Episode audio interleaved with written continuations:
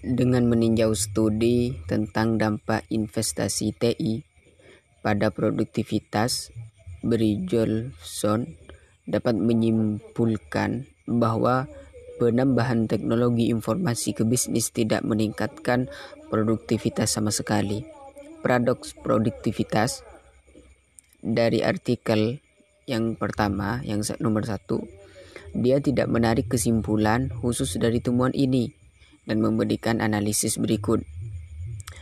Meskipun terlalu dini untuk menyimpulkan bahwa kontribusi produktivitas TI di bawah standar, sebuah produk tetap ada dalam ketidakmampuan kami untuk secara tegas mendokumentasikan kontribusi apa pun setelah begitu banyak upaya.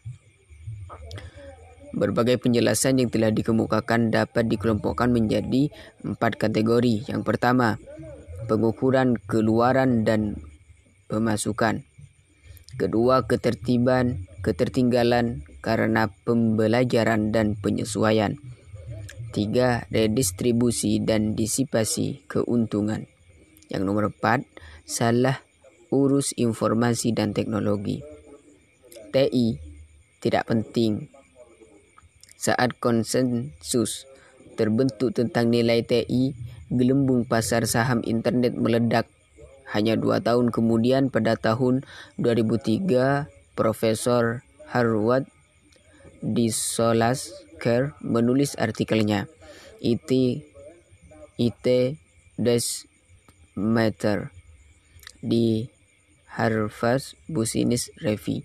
Dalam dalam artikel, artikel ini, Kern menegaskan bahwa teknologi informasi telah menjadi lebih di mana-mana. Itu juga menjadi kurang pembela dengan kata lain karena teknologi informasi tersedia sangat dengan sangat mudah dan perangkat lunak yang terharap yang berharap untuk mengimplementasikan alat-alat ini untuk memberikan keunggulan kompetitif apa pun.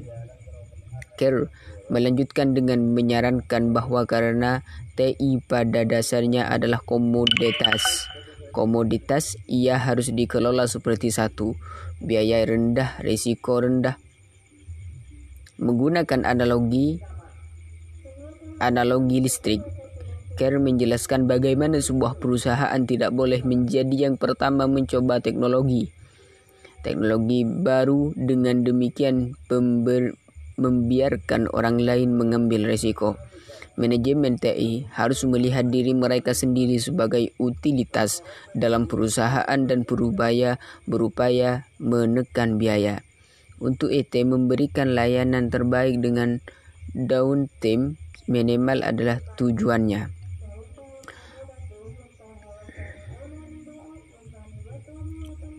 Keunggulan kompetitif keunggulan kompetitif menciptakan dan mempertahankan kinerja unggul. Suatu perusahaan perusahaan dikatakan memiliki keunggulan kompetitif atas para pesaingnya bila mampu mempertahankan laba yang melebihi rata-rata untuk industrinya.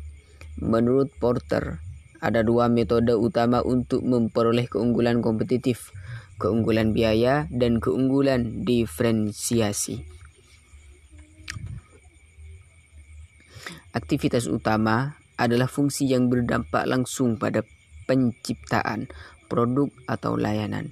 Tujuan dari kegiatan utama adalah untuk menambah nilai lebih dari biaya-biayanya. Kegiatan utamanya adalah logistik masuk, operasi, logistik keluar, pemasaran layanan. Aktivitas pendukung adalah fungsi dalam organisasi yang mendukung dan melintasi semua aktivitas utama. Kegiatan pendukungnya adalah infrastruktur, perusahaan, yang nomor dua, manajemen sumber daya manusia, perkembangan teknologi, pengadaan. Lima kekuatan dan dampak internet. Yang pertama, ancaman produk atau layanan pengganti. Dua, kekuatan tawar-menawar pemasok. Tiga, daya tawar pelanggan. Empat, hambatan untuk masuk. 5. Persaingan di antara pesaing yang ada. Secara khusus, sistem informasi strategis adalah salah satu yang mencoba melakukan satu atau lebih hal berikut. Produk atau layanan dengan biaya lebih rendah, mengirimkan produk atau layanan yang dibedakan, membantu organisasi fokus pada segmen pasar tertentu, memungkinkan inovasi, Daftar singkat dari beberapa alat kolaborasi yang tersedia untuk bisnis saat ini. Google Drive, Microsoft SharePoint, Cisco WebEx, EX, 4 pertemuan Atlassian, IBM, Lotus, Notes, atau Domino.